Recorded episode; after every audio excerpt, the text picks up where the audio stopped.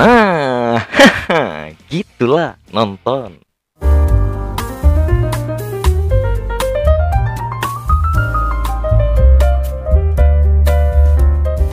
Ya, selamat datang di channel Yogi Sumarno bersama mas-mas netizen biasa. Miss-miss netizen Miesi. Seperti biasa, sini aku ceritain hadir di jam 8 malam kalian. Tepatnya ini di hari Jumat ya, di hari terakhir untuk minggu ini. Eh, dan akan tayang lagi Senin jam 8 malam. Di hari Kamis, ini kan aku rekaman hari Kamis ya, tengah malam jam 2 jam hampir jam setengah tiga malam, jam setengah tiga pagi. Ada berita duka yang datang ya kan, ya kalian udah tahu lah ya tentang si Vanessa Angel dan suaminya yang kecelakaan dan meninggal gitu kan. Tapi yang buat aku sedih tuh sebenarnya anaknya gitu si Gala Sky Ardiansah itu kan. Menurut aku tuh waktu nggak kebayang gitu kan. Karena kan aku punya anak juga dua lagi bahkan. Yang satu eh, lima tahun yang satu umur enam bulan. Jadi aku nggak kebayang gitu umur umur setahun setengah gitu baru-baru pandai ngomong baru pandai manggil mama papa.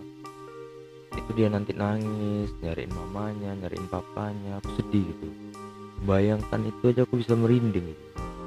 dari tadi kami nggak selesai-selesai pembahasan itu kan sama istri. Bahasan tentang anaknya itu. Mungkin dia akan dirawat sama orang yang tepat. Tapi gimana mental dia gitu?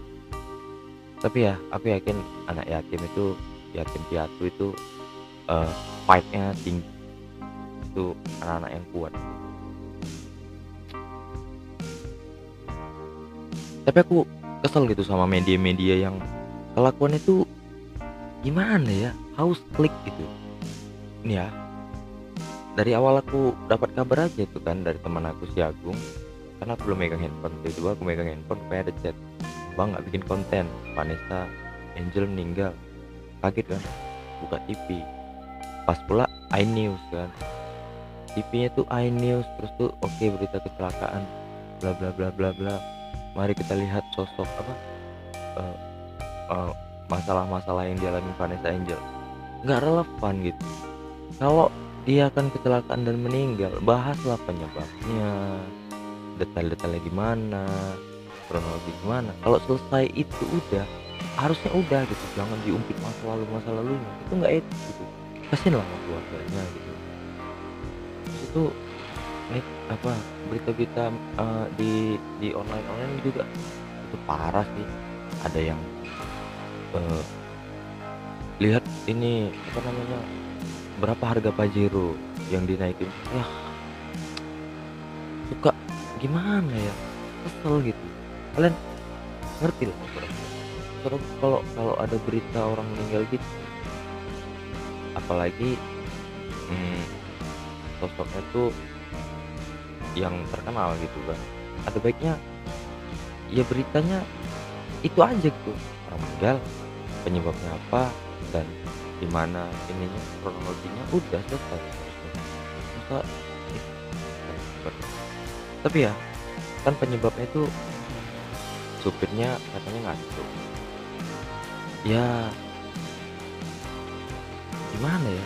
Ini ada ada satu berita tentang supir ngantuk supir mengantuk men penyebab Vanessa Angel dan suaminya meninggal. Kan nggak lengkap gitu. dari judulnya nggak lengkap. Ya, itu otak aku langsung masa? Karena aku udah tahu berita berita sebenarnya.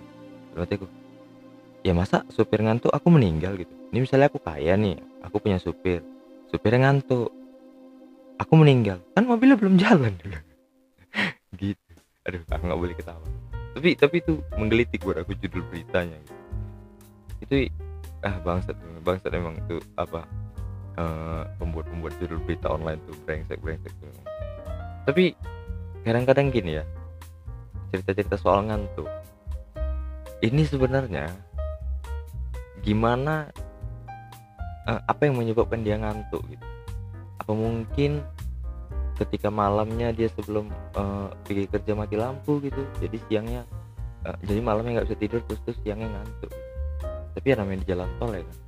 Jalan lurus gitu itu bikin bosen dan bosen meng, me, me- mendatangkan ngantuk. Tapi ngomong-ngomong soal mati lampu tadi ya kan. Di Medan per hari ini itu ada 28 titik yang mati lampu. Bahkan di lingkungan aku sendiri itu dari jam 10 pagi sampai jam 4 sore. Kalian bayangkan jam berapa berapa jam itu mati lampunya? Oh pak kali bro maksud aku gini ini kan udah zaman digital udah zaman canggih loh. Segala penelitian udah ada keluar gitu. Bahkan ya di Norwegia itu ya Norwegia kan negara maju tapi kita bisa belajar gitu. Kita, bisa belajar. Di Norwegia itu eh, pembangkit listrik di rumah-rumah itu pakai panel tata su panel panel surya gitu yang nangkap sinar matahari terus tuh sinar mataharinya di sinar mataharinya diolah jadi energi energinya jadi listrik gitu. Bahkan mobil-mobil kereta api juga gitu. Di Norwegia yang yang eh, sinar matahari itu nggak sebanyak di Indonesia gitu. Terus aku gini masa nggak ada gitu yang kepikiran bahwasanya misalnya nih PLN nih tapi nggak mungkin ya PLN buat kayak gitu ya. Nanti ya ada lagi dong omset PLN nya kan? Misalnya ada yang jual tuh panel surya untuk rumah tangga. Atau dibuat deh dari dari perusahaan PLN jual gitu. Mungkin harganya berapa? Kan enak gitu kita nggak perlu mat- eh, menghadapi mati lampu lagi kan? Dan juga lebih hemat gitu. Itu sih maksud aku. Mungkin ya mungkin ada gitu tapi izinnya susah. Karena kan saingannya sama BUMN sama kayak ini nih air kan PDAM gitu perusahaan air minum daerah gitu kan. Airnya itu kan ini air di Medan aja. Sih itu sering mati. Ini kalau jam 12 malam ke jam 4 sore jam 4 pagi tuh mati air. Nggak bisa hidup sama sekali. Pasti mati. Nggak tahu kenapa. Terus itu eh, airnya tuh kotor gitu nggak nggak bersih.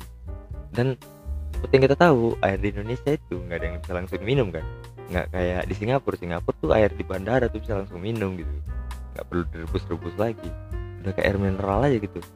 Bahkan kalau dipikir kan Singapura kan gak ada gunungnya. Ya kita nih gunung kita ribuan di Indonesia. Masa gak ada gitu perusahaan swasta atau PDAM gitu yang kepikiran kayaknya nih nggak pantas kita jual ke masyarakat air kotor kayak gini nggak bisa diminum dengan harga segini mending kita mahalkan sedikit tapi air bisa diminum gitu. Aduh jangan sampai gitu. Mungkin nih ada nih perusahaan swasta mungkin dari dari luar negeri dari Inggris misalnya. Mau mengajukan mau buka perusahaan air minum di sini bisa diminum gitu kan. Atau Aqua deh bakal bakal ekspansi bisnis ke ke perusahaan air minum gitu kan. Tapi izinnya susah lagi-lagi kan. Namanya itu BUMN ding ding ding ding ding ding ding ding lobby lobby bla bla bla bla tapi kadang-kadang itulah ya kan eh, pejabat-pejabat ini nggak mau jujur sama diri sendiri. Nggak kayak pegawai di Bandara sudah Soekarno Hatta. Jadi ceritanya tuh ada pegawai di Bandara Soekarno Hatta eh, aku lupa entah cleaning service atau apa. Dia menemukan cek 35,5 miliar. Cek. Punya eh, aduh lupa lagi punya orang Jambi kalau nggak salah. Jadi tuh ceknya dapat cek terus tuh dia kasih ke atasannya terus tuh atasannya menghubungin yang punya terus tuh dikembalikan lah ceritanya. Dan dan si si yang menemukan ini si pegawainya ini dapat naik pangkat lah jadi supervisor kabarnya gitu. Tapi gini ya itu kan cek ya 35,5 m. Eh, bagaimana kalau dia menemukan itu uang cash jujurnya nih kalau aku menemukan uang 200 ribu aja cash pasti aku diam mungkin gini nih ini kan ini kan aku tolol ya. Aku nggak tahu tuh bentuk cek itu kayak mana. Misalnya tuh ada tuh hmm, aku nemuin cek cek. Ini cek 1 m. Baca nih ah apaan nih? Buang. Karena nggak ngerti gitu. Lagian ya kalau nggak dipulangin atau misalnya cek cek 35,5 m ini nggak dipulangin terus tuh mau dicairkan sama aku yang nemuin misalnya. Aku cairkan gitu. Emang nggak ketahuan sama bank apa siapa yang nyairkan? Kan harus ada data kan yang untuk mencairkan. Nggak mungkin selembar kertas doang bisa dapat uang 35,5 m. Pasti ada datanya KTP segala macam. Ya kita tahu lah birokrasi di Indonesia gimana ya kan? Aduh kadang gitu lah ya kan. Hmm, tapi tapi aku yakin si pegawai bandara Soekarno Hatta itu nggak gitu. Dia pasti orang yang jujur. Makanya dia layak dapat yang kayak gitu ya kan? Dia layak. Kita kita beri beri beri respect lah sama orang ini gitu. Dan kita udah selesai bahasin topik. Jadi buat kalian yang pengen curhat silahkan DM aja ke Instagram aku uh, di @yogi_sumarno nanti kita bacain di sini. Jadi kita bahasin di sini. Dan kali ini udah ada yang curhat nih seorang cewek namanya Amel gitu ya kalau gitu langsung aja kita masuk ke sesi segmen curhat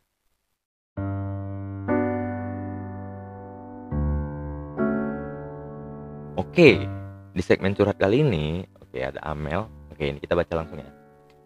Bang, namaku Amel. Aku lagi kesel sama tetanggaku. Dia itu suka senyum-senyum sama pacarku, Bang. Oke. Sok-sok ramah gitu. Pernah tuh kan pas pacarku datang mau ajak jalan, mau ajak aku jalan.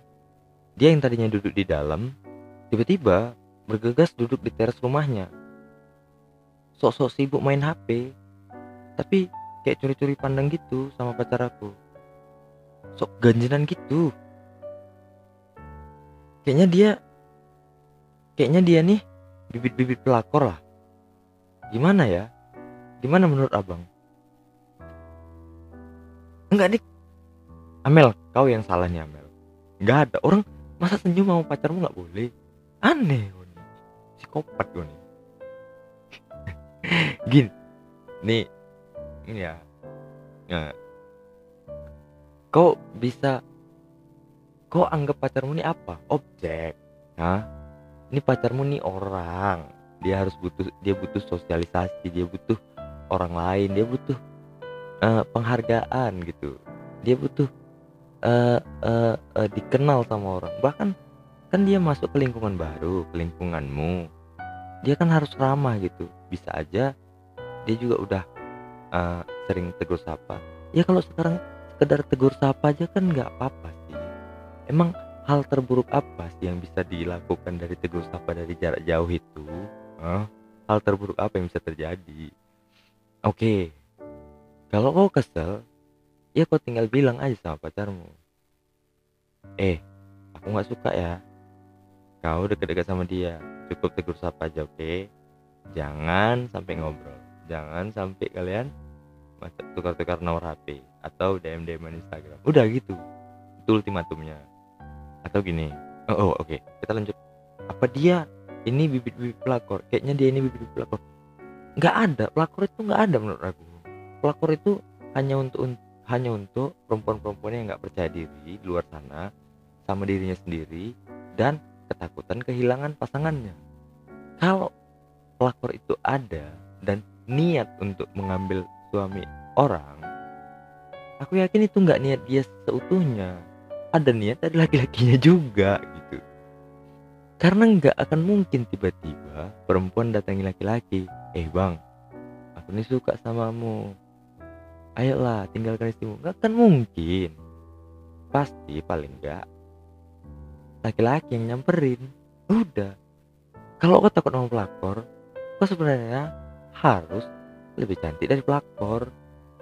Servisnya lebih bagus dari pelakor. Servisnya lebih bagus dari perempuan lain gitu.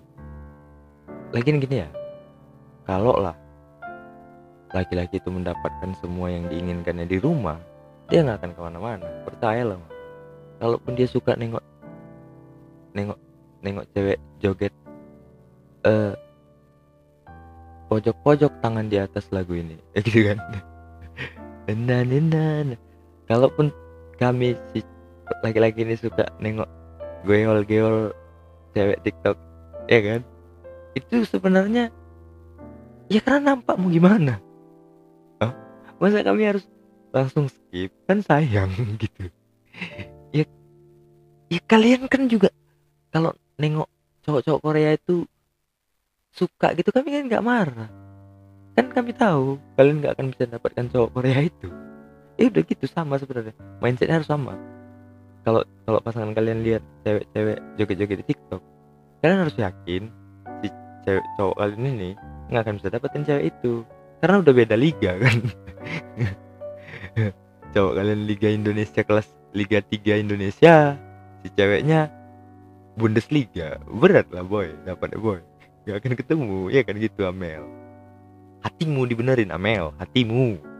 Nggak ada hatimu tuh di di ini di di stabil kan gitu. Yang ya kau nih nggak percaya diri boy. kenapa kau? Kurang Hah? Iya, kau sebenarnya yakin kau kurang kurang kurang percaya diri lah untuk pacarmu gitu. Oke lah, kalau gitu sini aku ceritain adalah format eh, membicarakan top tiga topik eh, per hari itu. Yang sebenarnya topik yang menarik buat aku bahas aja ya kan yang bisa aku bahas. Terus itu kita akan bacain curhat teman-teman yang udah DM ke Instagram. Jadi buat kalian yang mau eh, curhat atau mau cerita aja nggak apa-apa butuh pengakuan atau gimana kalian DM aja ke Instagram nanti aku bacain oke? Di @yogi.marno oke? Sampai jumpa di episode selanjutnya. Bye